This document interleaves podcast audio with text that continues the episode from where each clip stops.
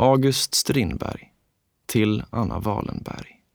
Gersau, 14 november 1886. Min fröken.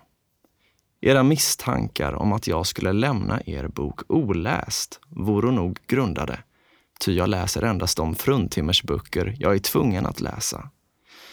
Jag lämnar även edert oläst sedan jag tittat på sista sidorna och funnit edra begrepp om billighet och rättvisa alldeles förvirrade. Ni finner sålunda helt anspråkslöst att kvinnan ska bryta in i familjeförsörjarens arbetsmarknad utan att han befrias från den oerhörda bördan att försörja en kvinna, hennes barn och tjänare, därför att de båda har barn tillsammans. Och vad kvinnan lever enkelt och billigt. Jämför en modehandel och en skräddarbutik. Låt henne försöka på att sexdubbla, femtondubbla sina krafter.